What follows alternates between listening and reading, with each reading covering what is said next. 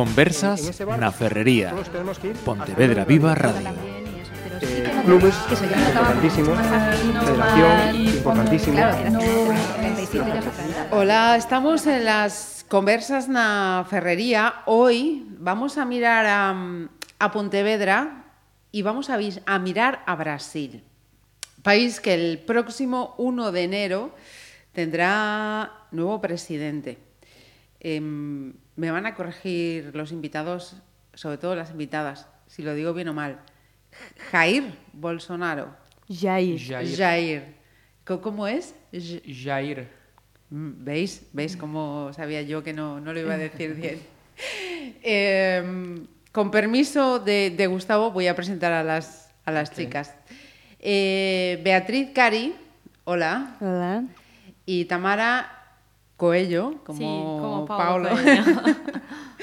Ellas son bre- brasileñas. Eh, están aquí en Pontevedra porque están con ese eh, curso, están haciendo doble grado, me dicen, de gestión y dirección pública en el campus de Pontevedra de la Universidad de Vigo. Bienvenidas. Gracias. Gracias. Eh, Beatriz lleva aquí en Pontevedra desde enero, Tamara desde octubre. Y eh, la voz masculina que escuchabais es la de Gustavo Almeida. Bienvenido de nuevo. Muchas gracias. Eh, él es eh, brasileño también, y, mm, brasileño, y le decía Beatriz y, y Tamara, ¿y cuánto llevas en Pontevedra?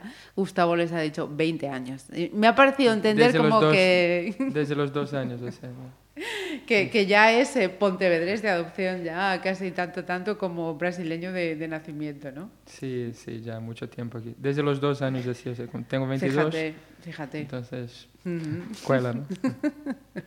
Pero aún así esto- estaban ahora sí eh, hablando y no, no, no has perdido ese... ese No, acento. para nada. Yo hablo todos los días, hablo con mis hijos solamente en portugués. No, ¿Sí? No, nun- nunca en castellano ni en gallego, ni... Yo hablo en portugués, es la oportunidad que ellos tienen de, Claro. de saber un idioma más, ¿no? O sea, tus, tus hijos ahora mismo hablan, hablan portugués, hablan español y, Y gallego. gallego. Sí, señor. Qué, qué suerte, qué suerte tienen Sí, estas nuevas generaciones. sí. Es una suerte, ¿eh? Sí.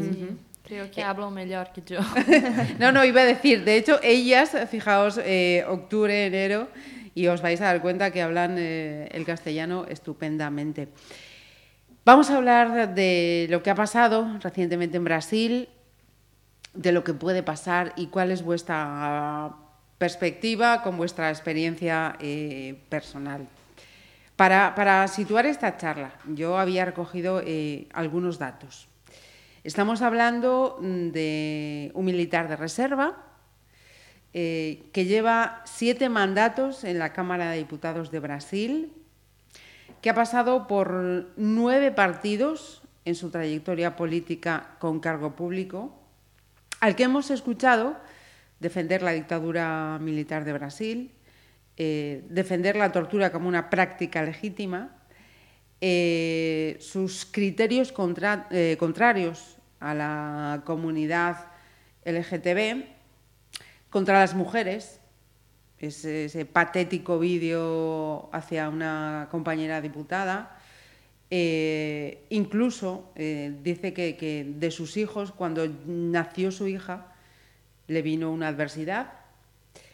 Eh, cuando hablaba, por ejemplo, de esos comentarios contra la comunidad LGTB, decía, he visto que preferiría ver morir a un hijo suyo en accidente antes de, de enterarse de, que fuera gay. Eh, comentarios racistas contra inmigrantes, contra negros, contra indígenas. Eh, Tamara, Beatriz, eh, Gustavo, mm, ¿a vosotros os, impacta tanto co- como nos puede impactar aquí en España una figura como la de Bolsonaro? Bueno, si no a todos, por lo menos voy a decir que a mí personalmente, ya no voy a, voy a generalizar. ¿Cuál es vuestra, vuestra opinión personal para empezar de, de Bolsonaro? Bueno, a mí No esperéis a que yo os diga. Sí, no, Venga, estamos- empiecen ellos que están, están más, más Han cercanas- vivido, sí, sí, más, más- sí, más fresquitas de Brasil. ¿no? Eh, bueno, a mí me impacta mucho porque, como ya había dicho, eh, es una figura muy, muy polémica y muy peligrosa porque tienes discursos eh, muy malos, que de muy, mucho prejuicio y que puede perjudicar a mucha gente. Eh, mesmo assim, as pessoas eh, têm, ao mesmo tempo, por ser uma pessoa muito carismática, consegue chegar a, a grande parte da população que, mesmo não concordando com seus discursos, uhum. a, aún eh, lo deram muitos votos para postular ao cargo de presidente. A mim me assusta porque é um fenômeno que todavia estamos tentando entender como que uma pessoa com discursos assim eh, em Brasil, que é um país muito plural, que é um país de imigrantes, que é uhum. formado por imigrantes, que é um país onde 50, mais de 50% da população é negra, onde muitos padres e madres têm filhos que são da comunidade LGBT e mesmo assim votaram em uma pessoa assim como uhum. esta. Incluso pessoas da própria comunidade LGBT votaram sim, sim. em Bolsonaro. Então, é um fenômeno que todavia necesita de muchos estudios, pero a mí me impacta muchísimo. Ajá. Sí, creo que hablamos de direito, direitos que são muito recentes. Por exemplo, de la comunidade LGBT. Há, eh, creio que, dois ou três anos que se podem casar. E agora já se fala de não ter mais esses direitos. Uhum. E não entendo como as pessoas eh, puderam votar em uma per, per, persona que está pregando a exclusão de alguns setores sociais, como os indígenas, os negros, os gays e eh, incluso de las mulheres, que a eh, maioria da população é mulher em Brasil. Uhum. E habla-se de desigualdade salarial, coisas assim, que, so, que são eh, temas de passado que nos asombram ahora. Entonces, me asusta mucho. Uh -huh. Y tú, Gustavo, desde aquí, desde Pontevedra, ¿cómo, cómo, cómo ves esta, esta figura? Bueno, yo para situarme eh, siempre me gusta hacer pues, un paragómetro con, con, con mi carrera, ¿no? Uh -huh. con la música. Eh, parece que vivimos en un, un tiempo en que tienes que ser polémico. Si eres normal, si eres eh, equilibrado, si eres eh, normal, normal. Tienes poco de ganar en esto de cuando necesitas popularidad. Es como que hoy en día está el impacto por encima de todo, independientemente de, cómo sea. Eh, lógicamente, sería yo un necio si, si todas las cosas que, que has eh, dicho sobre, sobre Bolsonaro, que, que pasara como algo normal, por, por, cualquier ser humano mínimamente normal. ¿no? Luego la gestión de un país es otra cosa. ¿no? Es, eh, vamos a ver si, si, si esto que está, eh, todas esas, esas aberraciones casi que, que, que, sí, sí. que se, se, ha visto en, en campaña, pues, eh, ¿qué pasaría después si, si, el, si el país va bien o va mal? Eh, independientemente de, de, esas... De la figura. Eh, de la figura, ¿no? Yo empiezo a creer que de la misma forma que Trump eh, ha ganado, que es como que tienes que, que generar una polémica para, para poder ser como escuchado. Y luego me, me, choca, lo hablábamos aquí antes del tema de las redes sociales, que al final eh, yo estando aquí es donde, por donde más me entero de las noticias. Eh, lo que me deja más triste de todo eso también es, es lo dividido que queda al final el pueblo, ¿no? que eso aquí en mm. España un poco también lo estamos eh, viviendo con el tema de, de Cataluña, donde, bueno, parece que... Y al final no es bueno para, para ninguno, porque mientras estamos en, en, en, confrontación. en confrontación no avanzamos. Mm, no, no, avanzamos, ¿no? Cierto. Entonces me da mucho respeto eh, hablar tanto para un lado como para otro. Eh, hace unos años hablábamos de Brasil como, como que estaba... Eh, en la picota normal. sí, sí, pues como la, la, quinta, sexta economía país emergente del mundo y, y, de repente, ¿sabes? Es como que yo estando desde aquí yo digo, ¿qué ha pasado? ¿Qué, ¿qué capítulo me he perdido? ¿no? Porque de repente Claro, ahí, ahí, Beatriz o Tamara quizá nos puedan eh, situar que además también querían, ¿no? Que nos hiciesen de alguna manera por su experiencia personal, ese, ese, diagnóstico del país, ¿no? Efectivamente, como dice Gustavo, ¿qué es lo que ha pasado, ¿no? Que hace unos años Brasil era eh, esa, esa referencia, ¿no? De, de, de la emergencia y, y, y, esta situación. Claro, por lo de pronto es muy malo que, que, que se esté hablando de Brasil tanto por, por, eh, por, por las, las, opiniones de su presidente, ¿no? Y que sean uh -huh. tan eh, tan eh, radicales. tan radicales no eso ya, ya, ya es malo no, no me gusta eso de, de mi país no uh -huh. sí sí. Sí, sí creo que eh, Brasil lo capítulo que perdeste foi de la economia que é um fator muito importante em qualquer país em Brasil não é distinto eh, as últimas políticas creio que dos últimos cinco anos é, com o governo de Dilma. É, he hecho algumas políticas que em contexto interno e externo foram muito malas. Então, é, houve uma reação interna do Brasil que foi com o impeachment, uhum. o golpe, uhum. outro golpe que temos em nossa história. E creio que um ponto muito importante é falar das instituições do Brasil, que é muito frágil. Uhum. Ainda não são no, nossa democracia é muito nova, tanto é, como é de aqui. Recente, Sim. Claro. E nós outros sofremos eh, este impeachment justamente por ter algumas algumas falhas, algumas eh, falhas em la economia e eh, a população reagir mal a isto.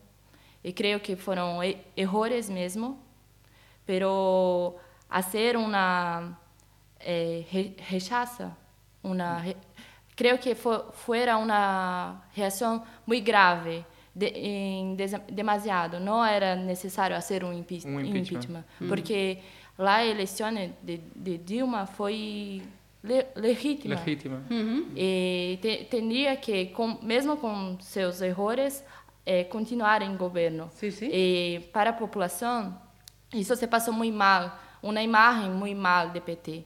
Uhum. E discursos como o de Bolsonaro, muito extremo, muito é, é, populista. Populista, sim, populista, muito conservador. Uhum. Passou a, a, entrar em los ouvidos da população através do antipetismo. Claro. Uhum. Porque as pessoas já não lhe gostavam do governo que estava. Então, ganhou força por isto. Uhum. Eh, bueno, eu vou contextualizar um pouco mais historicamente pensando.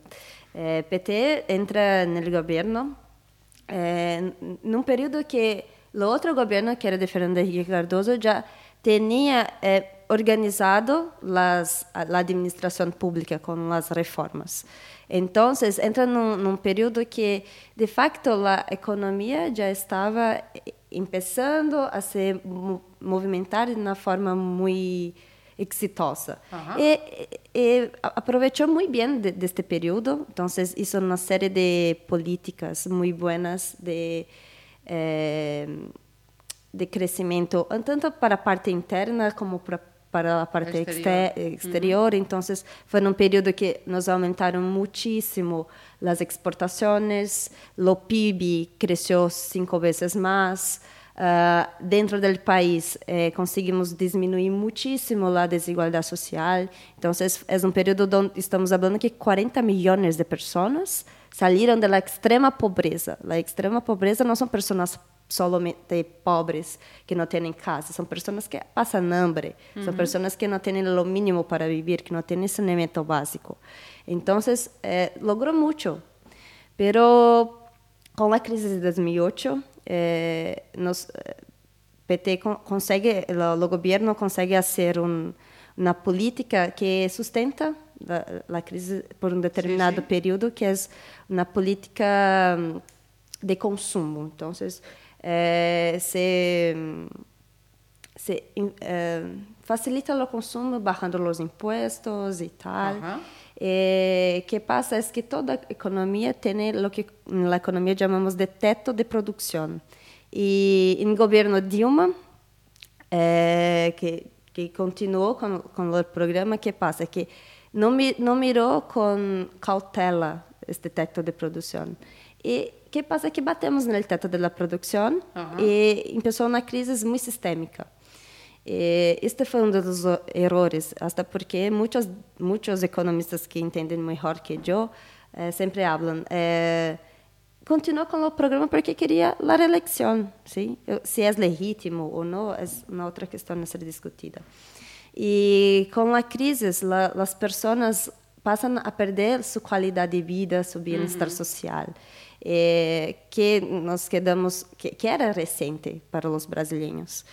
Eh, então, leva a, a, a, um, a uma Malestar social. É, é um malestar social, é, leva também a, a uma divisão no país de pessoas que, bueno, não estamos bem economicamente, mas vamos mirar tudo que conquistamos ao longo dos anos. E outra população que dijo, não, não está bem. Además de isto, vamos sumar os casos de corrupção. Uh -huh. Además de isto, vamos sumar a questão histórica eh, que há 30 anos que somos uma democracia, as no, nossas instituições são muito fracas, nossas leis são leis com dois pesos, duas medidas. Então, para um contexto, esta lei se aplica. Para um outro contexto, talvez não.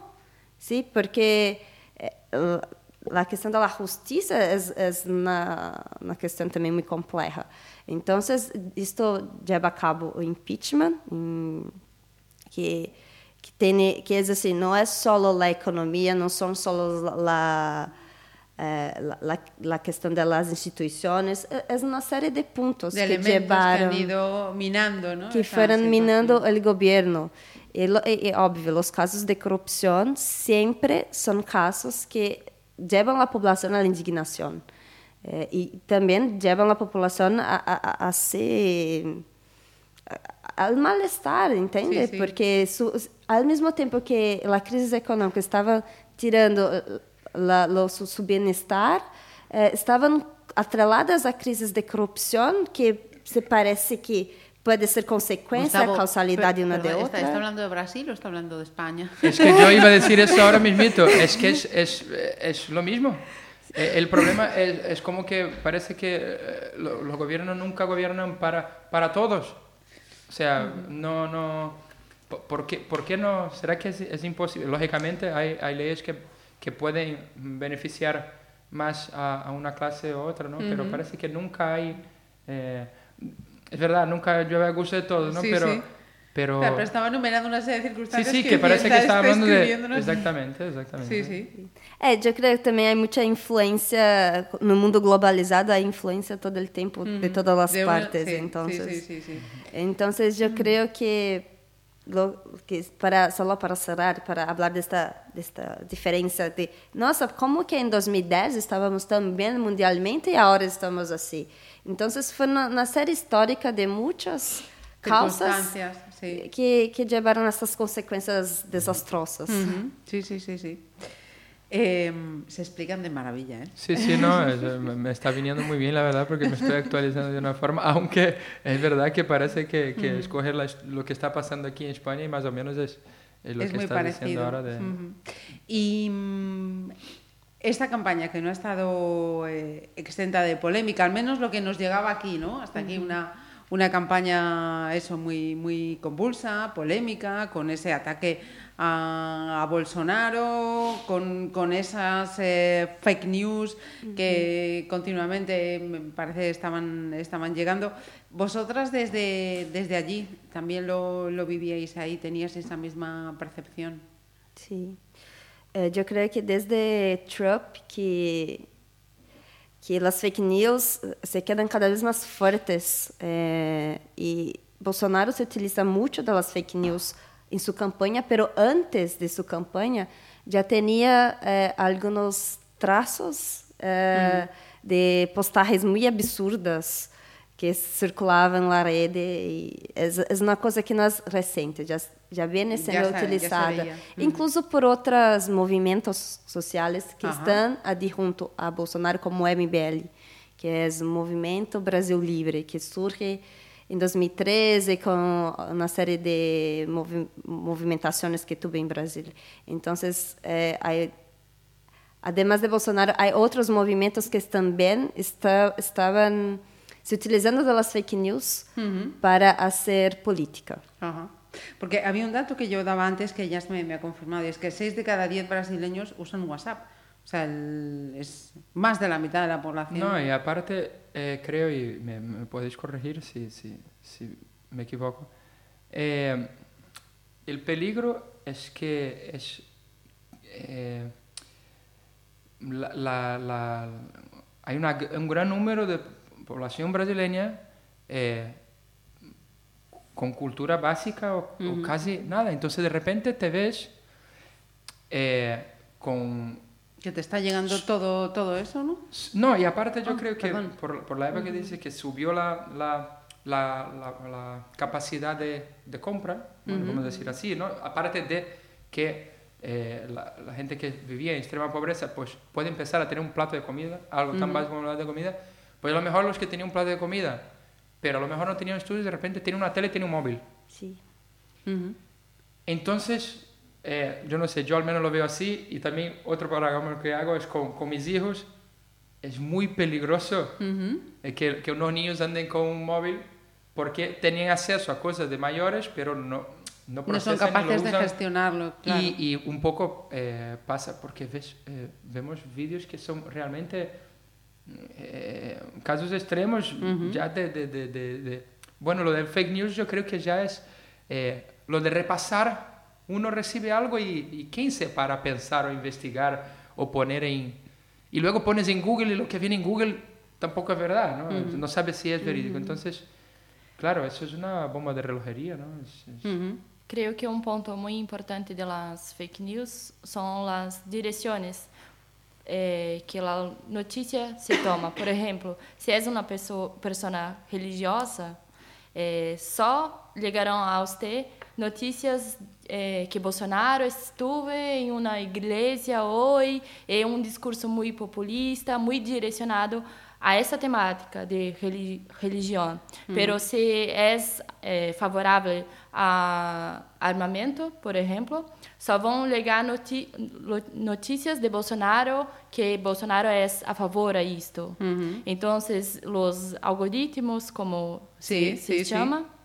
É, direcionaram muito a campanha de Bolsonaro. Este foi um fator muito decisivo uhum. para influenciar os votos e eh, a identidade que você cria com um político. Uhum. Então, isto é, é, é hecho muita diferença em las eh, los votos que conseguiu Bolsonaro. que conseguiu sí, sí, Bolsonaro. Sí. No, y creo que también él empezó, bueno, cualquiera de los candidatos ha empezado con una cierta ventaja en relación al PT, porque el PT venía de un gobierno que, que había uh -huh. sido echado del gobierno, ¿no? Sí, Entonces, sí. claro, se sumó ahí todo eso que estás diciendo con, con, con esa, ese ante, anti, antipetismo, antipetismo ¿no? Fue, sí, fueron una grande eh, ventana de oportunidad, como hablamos. Sí, sí, sí. E, además de isto, o PT também estava sofrendo muito. Lula estava tentando se postular a presidente preso. Uhum. Eh, as esquerdas de Brasil estavam todas fragmentadas, então não, não tive na, na frente unida, não se conseguia unir propostas. Eh, además, tuve otros candidatos que to, a, la ventana estaba abierta y todos estaban uh intentando sí, echar sí. el suyo. Sí, Fue una, un, un, periodo muy atípico en la historia. Pero de, creo que es aquí también así, ¿no? Como que la izquierda también se fue un poco fragmentada y al final... Eh, eh, Quizá, quizá eso pese, pese a que estamos en algo tan globalizado, eh, Beatriz nos está haciendo un panorama paralelo, ¿no? describiendo sí, perfectamente, efectivamente, una, una izquierda fragmentada, dividida, que lo que hace es todavía dar más fuerza ¿no? al, Sí. al, al otro lado. Sí, sí, se pasó mucho. Ujú. Fue, fue, fue, yo creo que uno de las, un rasgo fuerte, porque todo el tiempo tenían candidatos que intentaban hacer una frente unida de las izquierdas, pero sempre havia uno que não por conta disso, não por conta de aquilo, e que al final se quedó muy fragmentado el voto. Y por, por otro lado, la derecha, consi- la derecha más extrema, consiguió se movilizar muy mejor y concentrar los votos. Entonces, eh, es un factor también a ser analizado. De- decíais vosotras eh, antes, estábamos aquí charlando fuera de micrófono, que me han dado eh, una lección sobre actualidad en Brasil de sobresaliente, tengo que decirlo, que, que otra de las capacidades de, de Bolsonaro es que eh, consiguió eh, hacerse sentir muy próximo ¿no? con, con el, con el ciudadano. Eso también fue otro elemento con el que supo jugar.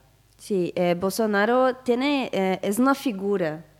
Bolsonaro es una- un personaje eh, que, que habla, em, em português temos uma expressão que é gente como a gente, que habla la, como o pueblo habla. Então, te, eh, tem um, uma característica que chamamos de carisma muito forte. Então, consegue chegar e, e falar com uma senhora, ou um senhor, ou com um jovem, com, porque tem uma charla muito fluida, tem sabes como falar para encantar as mentes. Assim. Uma característica também era de Lula, pero que com direções ideológicas Diferente. distintas. Eh, pero é é uma característica dele muito forte. Ujú. Y con... Sí, sí, Gustavo. No, eso eh, lo iba a decir también. Lo que pasa es que a veces lo dices un poco con miedo, ¿no? De que realmente es una persona que tú lo escuchas hablar y, y, y te quedas como así. Eh, te ves muy cercano y como que. Sí. eh, Encantador parece- serpiente. Encantador ¿no? serpiente, debo decir, ¿no? Y, y entonces, eso, eso, eso favorece mucho en una, en una campaña. eh, en una campaña É, e, política. e, é um traço da população brasileira gostar de candidatos, de figuras carismáticas. É, Foi assim com Getúlio Vargas, foi assim com Lula, é assim com Bolsonaro. Temos um histórico de, de gostar desses Bueno, Collor. Collor, Collor. sim, que também era- sofreu impeachment nos anos 80. Collor hablaba y aquello era. Então, é, é, é, é um traço de nossa cultura política, entendes? Então, também é, é outro fator a ser considerado. Pero creo que eh, nuestra población no está muy habituada a se aprofundar en las No. tem- la temática, la discusión política. No, Ajá. no es una característica Sí, pero de Brasil. ¿cómo vamos, ¿cómo vamos a profundizar en, en, Sí, se en te- eso? Si, si nos falta cu- cultura, si nos falta Educación. profundizar, eh, falta educación, ¿cómo vas a profundizar en, en, en- É, en e, algo? e- ¿no? e Sí. tampouco podemos eh, culpar eh, a educação, porque os eleitores de Bolsonaro, a maioria, têm grado, são pessoas bem formadas. Então, assim, o, o que falta é, é uma questão a ser estudada, porque Bolsonaro não está solo eh, com as pessoas mais pobres que não têm educação. Bolsonaro também tem apoiadores em la elite econômica, tem apoiadores eh, hasta na elite da universidade. Então, é, é preocupante como entender lo que todos estes Sí, segmentos sociais estão pensando al ou como que Bolsonaro consegue captar. Claro, igual precisamente porque decía Tamara, ¿no? También esta campaña tan perfectamente dirigida para claro. que ese mensaje te Bueno, llegue a con- ti que te interesa Mas esto, creo que a ti que te interesa Outro eso. fator muito importante foi novamente a economia, porque Bolsonaro tinha com com usted o eh, Paulo Guedes, que é o economista muito bem visto em todo o mercado, em lo mercado mu- mundial. É, é visto como a pessoa que pode tirar, sacar o Brasil da crise. Claro, eh, entonces ahí es cuando yo, siempre he sido así, ¿vale? Desde, desde pequeñito he sido siempre el abogado del diablo, el amigo abogado del diablo. Cuando el amigo viene con una noticia mala, siempre me gusta llevar la contraria para sacar lo mejor de cada persona. En mi música soy así también. Está correto. Entonces, eh, pensemos, ¿y, y si lo hace, lo hace bien? ¿no? Pensemos, ¿y si realmente, eh, o sea, Consigue recomponer. consigue recomponer porque económicamente está bien, está bien eh, Asesorado. asesorado, ¿no? Eh, yo tampoco quiero que se olvide de que, oye, con lo que se hizo campaña y todas las aberraciones que has dicho, no está bien, ¿no?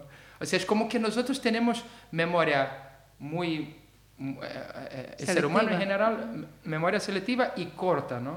Es como que en el momento que eso está mal, pero en el momento que me hace bien, pues olvido aquello, ¿no? Entonces me gusta siempre no ir a, a, los extremos y, y, y dar cada eh, eh, importancia.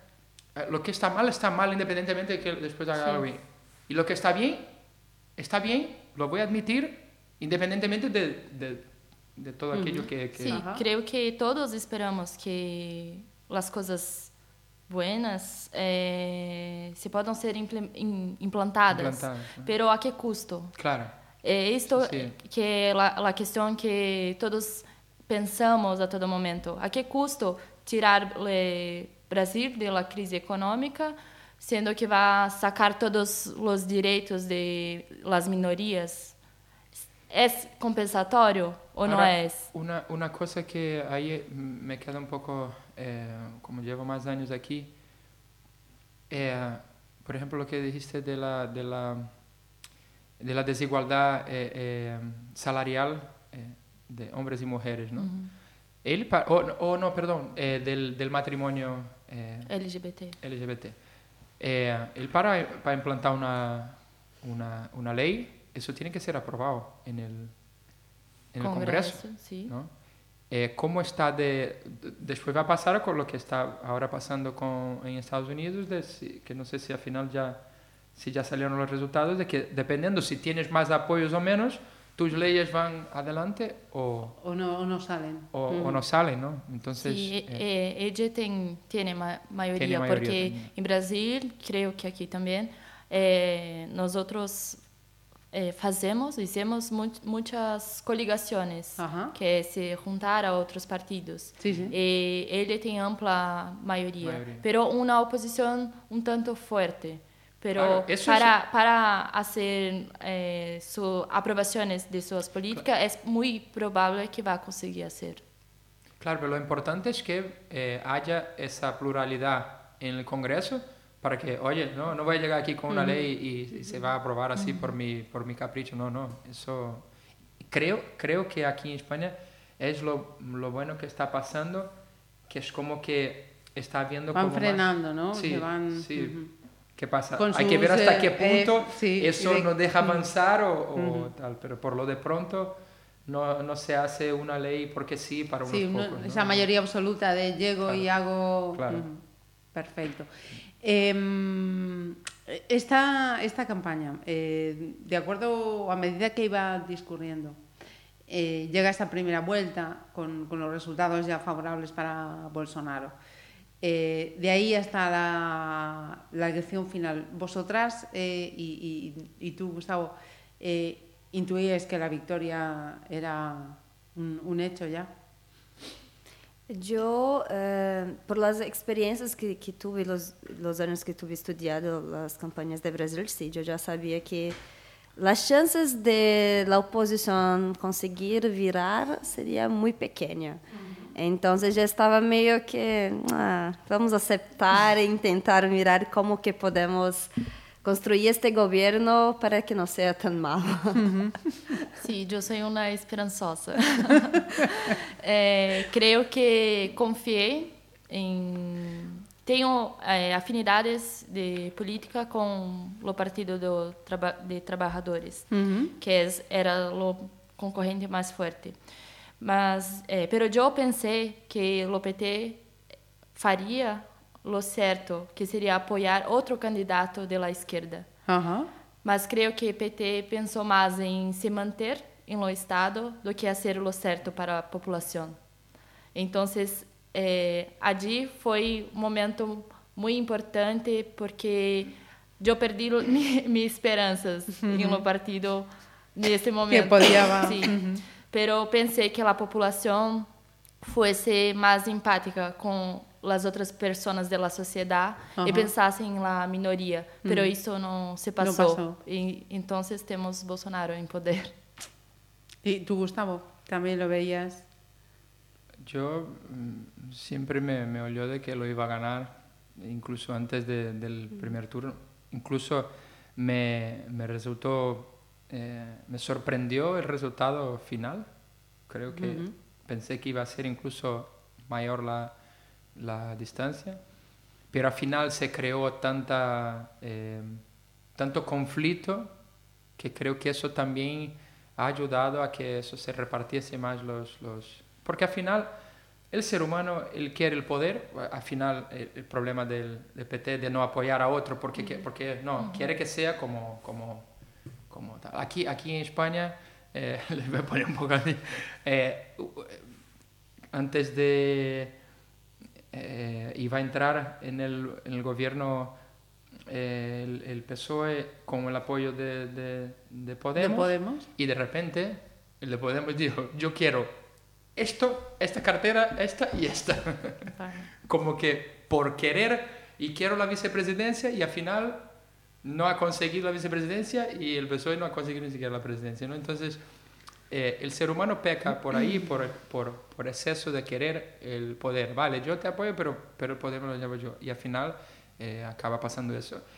Yo también soy esperanzoso, yo creo que en general nuestra, mm, el brasileño es, es, es una de naturaleza. Sí, porque siempre hemos creído, eh, tenemos lo bueno y lo malo ¿no? de, de, de, eso, de que creemos que, que, que lo mejor está por, por llegar, llegar. Y, y, y, por otro lado eso es bueno, porque uh -huh. yo he hecho en falta un poco aquí en España eso, esa, esa positividad de que, venga, vamos, vamos para adelante. Hay que ¿no? tirar. Está todo mal, pero, pero vamos para adelante. ¿Qué pasa? Sí, que sí. te acostumbras con lo malo y te pasa la vida siempre. Pero yo tengo la sensación que Brasil, y me corregís también si, si lo veis distinto, yo creo que en Brasil no, no, no, no, no va a pasar nunca lo de Argentina o lo que está pasando ahora en Venezuela. Es como que Brasil es un país tan grande y tan poderoso, eh, en, sobre todo naturalmente, ¿no? que, que, de recursos naturales, que, que al final está siempre en un... Nunca va a ser una superpotencia ni tampoco va a llegar a... a, a está siempre oscilando ahí en este... Está en la media. En la, bueno, en la media, uh -huh. quiero decir, pero nunca llega a un ápice de, de, de, de bienestar, uh -huh. ¿no? En general, ¿no? Porque uh -huh. sí que en Brasil hay gente que vive muy bien y mucho mejor que muchísima gente aquí en Europa. ¿no? Sí, sí. Pero en y contrapartida revés, está claro. al revés. Entonces, yo tengo siempre... Y la esperanza es de que... es, es de eso, ¿no? De que, vale, eh, no es lo mejor, pero creo que tampoco... Eh, Se va a llegar a un Hay algo que siempre no deja que, que Brasil pase de una... De un, É, pensando neste ponto, temos que considerar nossa história, né? Fomos um país que fomos 300 anos explotados por Europa. Fomos um país que com mais de 200 anos é, que teve tráfico de pessoas de África, pessoas sendo escravizadas e depois que não eram mais escravizadas, foram marginalizadas em las periferias, em las favelas, em las comunidades. É, então, assim, nós temos, temos um, uma deuda histórica muito grande, então uma desigualdade muito grande que, además da desigualdade social entre eh, questões de raça, de uhum. brancos, negros, eh, índios, eh, temos uma desigualdade que, regional, entonces hay regiones en Brasil que tienen mucho más capital y hay regiones que no, uh -huh. hay regiones que tienen casi 100% de sus territorios eh, sanidad y otras regiones que no, ah, uh -huh. entonces así, para regular estas desigualdades se van más 500 años, pero yo creo que vamos un día a llegar allá. Tal vez yo no lo vea, pero... Seguro que sí, sois muy, sois muy, muy jóvenes todavía. Sí, sí, sí. De hecho, con esa explicación que dabas yo antes, les, les preguntaba a, ellas si me podían eh, explicar eh, por qué es el, el sur-sureste de, del país eh, votó más hacia Bolsonaro, que es donde más población hay. Sin embargo, el norte-noroeste eh, tenía un voto más hacia, hacia el PT. Ellas me lo han explicado, ¿no? A qué, a qué se debía. Yo os invito a que, por favor, también os aclaréis a los españoles que estamos aquí ahora escuchando, que, que nos expliquéis el, el por qué eso. Sí, eh, sur de Brasil es una área muy conservadora. Es la única área incluso que tiene un movimiento muy fraco de separación, pero hay, es una característica. Em Sudeste é onde onde está São Paulo, que é uhum. uma potência mundial econômica, é muito importante. Então, são as regiões que têm um pensamento conservador e muito dinheiro. Então, tem políticas que que são mais desarrolladas lá do que em todo o resto do Brasil, como uhum. Centro-Oeste e Norte e Nordeste, uhum. e que é onde estão as pessoas mais pobres. Eh, as questões de desigualdades estão mais profundas, como eh, falávamos antes, que tem eh, ainda per pessoas que passam hambre, que não têm eh, estrutura infraestrutura uhum. e essas pessoas estão concentradas em estas regiões. Uhum. Há em, em las demás, pero como há mu muito di dinheiro, também há muita oportunidade uhum. de trabalhos e coisas assim. É, em la história do Brasil também podemos mirar que há muitas pessoas que saíram de regiões como Norte e Nordeste para ir a esses pontos, eh, esses polos econômicos. Então, eh, quando miramos as votações, eh, podemos entender porque essa essa divisão do voto, sim, uhum. a divisão do país se deu também geograficamente, uhum. tanto política como geograficamente. Então, o PT tem uma tradição de fazer eh, políticas de inclusão social, de distribuição de renda, e os mais beneficiados foram de norte e de nordeste do Brasil. Por uhum. conta do contexto de escassez de oportunidades, de, de dinheiro, de eh, políticas inclusivas. Então, eh, conseguiram assim que a população fosse mirada por, pelo Estado, uhum. o, que, o que não se passava antes. Sim, sim, sim, e isso fez com que conseguissem ter mais votos nessas regiões e Uhum. Sul Sudeste estão com outras questões em mente, questões mais de desenvolvimento, pero em outras dinâmicas, não só de desigualdade. Uhum. Então, os votos foram para Bolsonaro, creio uhum. que por isto. Uhum. Eu, eu concordo com Tamara. Eh, norte e Nordeste, de facto, eh, são regiões em Brasil muito, muito pobres, muito sofridas son cuando yo dijo a, a principio que son que lo, las políticas de, del último gobierno sacó 40 millones de personas de la extrema pobreza, muchas de esas Estaban ahí. están en estas regiones. Entonces, eh, por más que las, los cambios tengan sido sen, sencillos, eh, como recibir agua, recibir energía eléctrica, recibir o programa Bolsa Família, que é uma quantidade de dinheiro que te ajuda a suprir os mínimos com alimentação e tal, uhum. é, o que para outras regiões com mais dinheiro não parece muito, mas a eles é muito. Básico, porque claro. é, é, é o básico que antes nenhum outro governo tinha conseguido uh, fazer uma interferência tão exitosa naquela região. É, además disso, é uma região que se passou a pensar em desenvolvimento local de uma forma distinta. Então, eh, na Caatinga, que é uma região de secas, então, por certas fases do ano, no, no chove, não há água. Então, em vez de sair da Caatinga ou tentar cambiar uma uma estrutura que é da natureza, como vamos a conviver, a, a viver com estas características bem?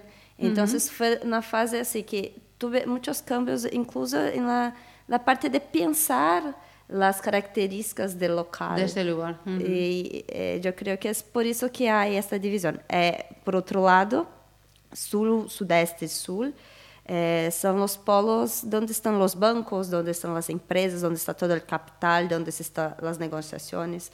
Y, é claro, donde está este tipo de pensamento, também se pede, pede por uh, menos regulação do Estado, se pede por políticas mais liberais, uhum. que é o que vende Paulo Guedes uhum. é, adjunto com Bolsonaro. Então, sim, sim, sim. É, há de se entender que há um contexto muito ideológico muito forte e, e que as necessidades de uma região e de outra são distintas. Totalmente diferentes. Sim. Uhum.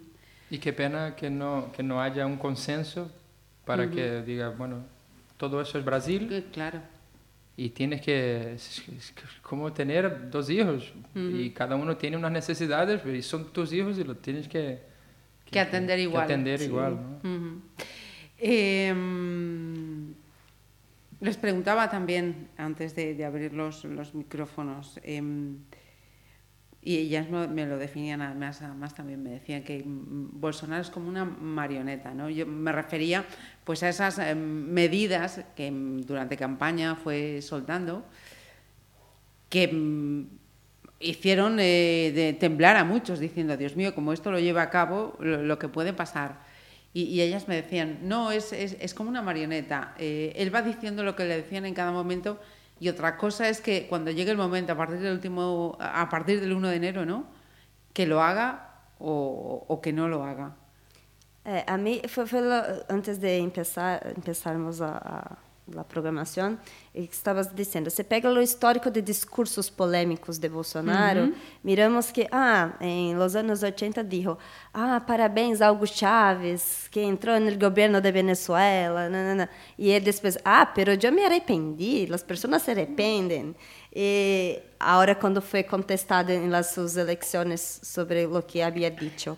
E em várias outras ocasiões que hizo muitas declarações polêmicas, volvió detrás de, de suas declarações. Hasta agora, eh, tempos de campanha, disse que não ia fazer uma série de políticas, eh, como, por exemplo, eh, tentar eh, cambiar a questão do Ministério de Trabalho, que é um ministério histórico em Brasil de 80 anos, um dos mais fortes, intentou fazer o câmbio, agora já voltou atrás de novo, então assim, ele cambia a situação conforme su, al, sus aliados, eh, sus espaldas, uhum. seja de los grupos de pressão que o apoiam, seja sua burocracia, né, incluso uhum. Paulo Guedes, los dejen para dizer e conforme as reações da da população. Então, assim, o mais peligroso de Bolsonaro é que está num cargo eh, que é o mais importante do país, que entrou onde tuvo pouquíssimos debates, porque na uhum. segunda ronda não participou de nenhum debate. Então, não sabemos ao certo quais são suas propostas, como que vas a desenvolver seu programa, que é um programa lleno de falhos que não foram debatidos. E, además de toda essa problemática que, digamos que é como se dá, dar um cheque em branco para o governante fazer o que quer, porque não, uhum. não, não se apresentou sus propuestas. Además de todo este contexto, no sabemos quién está por detrás de, de, de él, eh, hablando lo que tiene o no que hacer. Uh -huh. Uh -huh. Entonces, es, ¿por qué que es tan preocupante ese gobierno? Porque no sabemos lo que esperar. Porque puede, él puede decir, ah, voy a hacer esto y mañana no, no, no voy más a hacer porque no es más interesante. Uh -huh. Y este que es el problema, eh, esta legitimidad de los debates que no tienen, no, no saber lo que esperar. Tú también sientes sí, ese... no sé com que... completamente de acordo com Bia. E creio que um momento muito emblemático de, de ser uma marionete é, foi o discurso que fez quando ganhou, uhum. lá, quando saiu o sí. resultado de, de la eleição e, tinha ganhado. Ele pegou um, folho e começou a, a ler.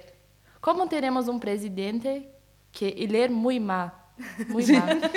Como teremos um, um, um, um, presidente que não sabe do, como assumir o que dizer ao, a tu povo, uhum. isso não se pode passar. É muito importante aqui. Eu não, corrígeme se, se me equivoco, quando vão dar os discursos, não vão falando de forma improvisada, não, não, não, tampoco não, un. Pero quando quando se mira, eh, puedes perceber que não há preparo, uhum. porque ele não sabia o que dizer ao, ao povo, uhum. não cumpriu os uhum. ritos da política, como eh, parabenizar o concorrente ah, por, sim, sim. por por la campanha. Sim, eh, ele fez uma oração que que o Estado é um Estado. Creio que todos podem ter sua, sua religião em particular, uhum. em privado, mas é um um feito muito importante para o ritual isto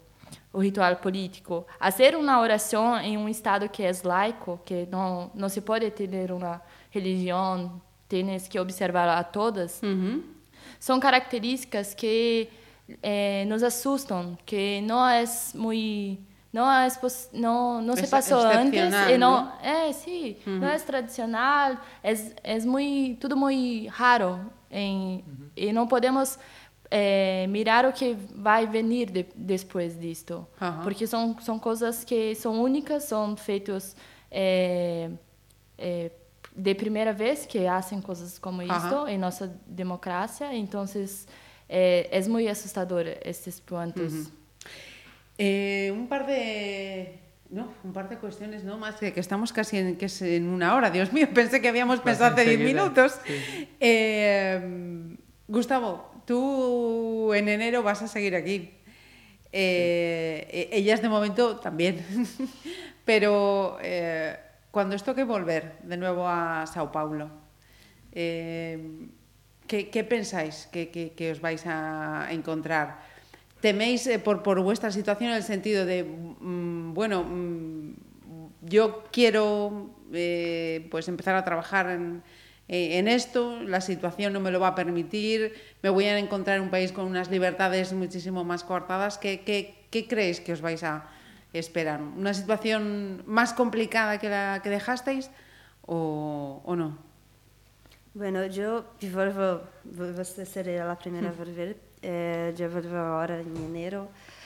Así, me parece que la parte económica, la- hasta la, la, ins- la esperanza, la expectativa de la población que cuenta mucho en la economía, vas a, a, a- a- a traer una mejora muy sencilla, pero de, de principio yo creo que no, no será un, no ten- tendremos un gran problema a solucionar en Brasil porque las instituciones van a, van a se organizar pelo no- nuevo gobierno, eh, las personas van a pasar a confiar, a fiar más en la economía y yo creo que la- las cosas van a volver a su normal, a la normalidad.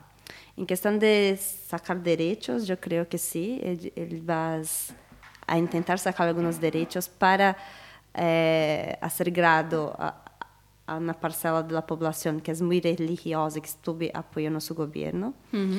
E, pero los primeiros seis meses de governo não va, eh, estar tentando se estabilizar, hacer sus alianças. Não creio que vas a hacer nenhuma política muito extravagante que que pueda tirar éxito de seus primeiros momentos. Então, a princípio, eu creio que não não será não, não encontrarei impacto de- um impacto muito forte quando volver, Ajá. entende? Pero a lo largo de los años, en dos o tres años, ya no sé lo que esperar, que fue como te dijo. Ella hizo una serie de declaraciones eh, en su momento de campaña que puede ser que las cambie o no, o cambie de otra forma no esperada eh, en su gobierno. Entonces, a principio yo creo que no será un impacto muy fuerte, pero a lo largo del tiempo tenemos que mirar, porque yo creo que nadie está preparado para lo que está a venir. Tamara. Bueno, yo espero que ele siga as normas das instituições de, de la democracia, que seguimos eh, com todos os o que é esperado de, dentro de uma democracia. E creio que as políticas serão mais de uma perspectiva mais liberal, o que é muito legítimo também. Também espero que a população pense como uma, eh, mirar mais a política. Espero que este sentimento de sou sou parte do Estado, Ajá. eh, a política influencia em minha vida. Então, eu tenho que estar acompanhando mais de perto. Eu espero que este sentimento esteja em todos em Brasil. Sí, eso es lo que, lo que dices es muy cierto y ojalá así sea, ¿no? Que hasta se involucre casi por, por, por eh, inconsciencia de coger un móvil y grabar una manifestación y, y manifestarse y, su, y subirlo a sus redes, que eso haga con que mm, el pueblo sea más partícipe de, de todo en general y sabiendo que todas sus eh, todos sus pasos, todas sus actitudes hacen parte, hacen política. ¿sabes? Hay gente que dice, no, es que yo no sé nada de política, ¿no? No hacemos política en todo lo que en todo lo que hacemos en nuestro día a día. ¿no? Sí, sí, sí. Pues eh, Gustavo, yo te agradezco nos hayas hecho este huequito. Bueno, ha, hecho, ha dejado a, a la mujer, los niños ahí con, con sus obligaciones y, y él nos, nos ha acompañado aquí este ratito. Y a Tamara y Beatriz también, que os agradezco vuestra también participación. Han terminado sus clases, han venido hasta, hasta aquí. Eh, ojalá, ojalá la situación sea lo, lo más favorable posible, que tengáis buena, buena estancia aquí en Pontevedra y que si os escucha la familia en Brasil podéis decir que habéis sido unas embajadoras perfectas. ¿eh? Por lo de pronto, eh, yo estoy seguro que lo primero que van a sentir cuando lleguen a Brasil es decir, "Guau, cómo echo de menos a Pontevedra. Se vive tan bien. Ahora yo estoy echando de menos la comida brasileña, entonces una cosa de cada vez. Bueno, ahí Gustavo os puede hacer alguna sugerencia. Yo ahí sí que no Sí, me atrevo, sí, pero hay- Gustavo forma de- os, puede, os puede hacer alguna sugerencia. Muchísimas gracias, ¿vale? Pues me gustaría ser seleccionada para una Copa Comen y estar en el equipo nacional.